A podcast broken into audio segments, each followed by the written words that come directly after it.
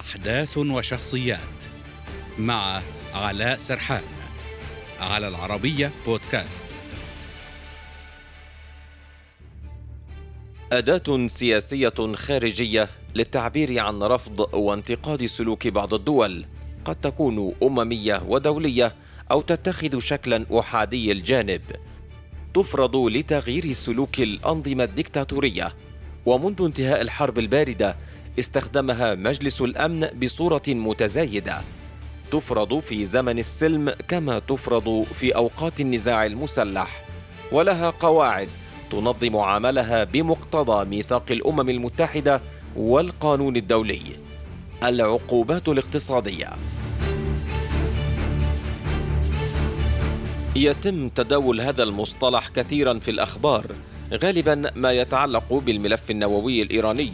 كذلك العقوبات التي تفرضها واشنطن على الصين وسوريا وروسيا وكوبا وكوريا الشمالية وعقوبات أخرى فرضها الاتحاد الأوروبي على قادة الانقلاب العسكري في ميانمار وأخرى على مسؤولين لبنانيين ضالعين في إطالة أمد أزمة تشكيل الحكومة.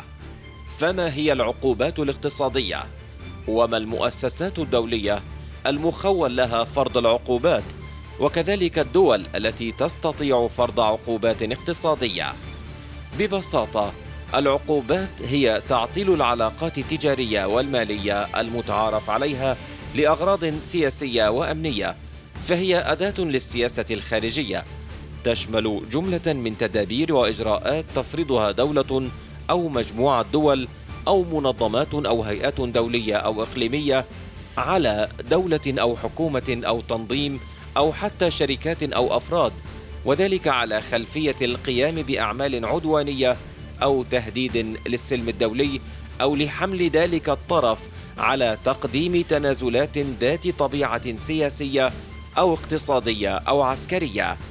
وطبعا الدول الكبرى ذات الاقتصادات القوية هي التي تفرض عقوبات على دول أخرى لأنها تتحكم في التأثير على العديد من الأنظمة السياسية التي ترتبط معها بمصالح مشتركة. اذا هي أحادية الجانب أو متعددة الأطراف وتكون بديلة للتهديد العسكري.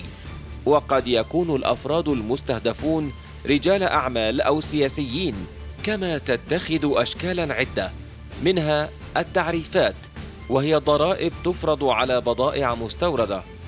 كذلك الحصص بتحديد عدد السلع المستوردة والمصدرة من بلد لآخر. ثالثا الحظر. بفرض قيود تجارية تمنع دولة من التجارة مع دولة أخرى. وهناك الحواجز غير الجمركية وتتمثل في قيود توضع على السلع المستوردة. وأخيرا تجميد الأصول أو مصادرتها وذلك بمنع بيع أو نقل الأصول. ولكن في واقع الحال هذه العقوبات سواء فرضت بواسطة دولة أو بواسطة مجلس الأمن يجب أن تأخذ بعين الاعتبار القواعد ذات الصلة ومنها حظر تجويع السكان المدنيين والحق في المساعدة الإنسانية وإمدادات الإغاثة للأراضي المحتلة.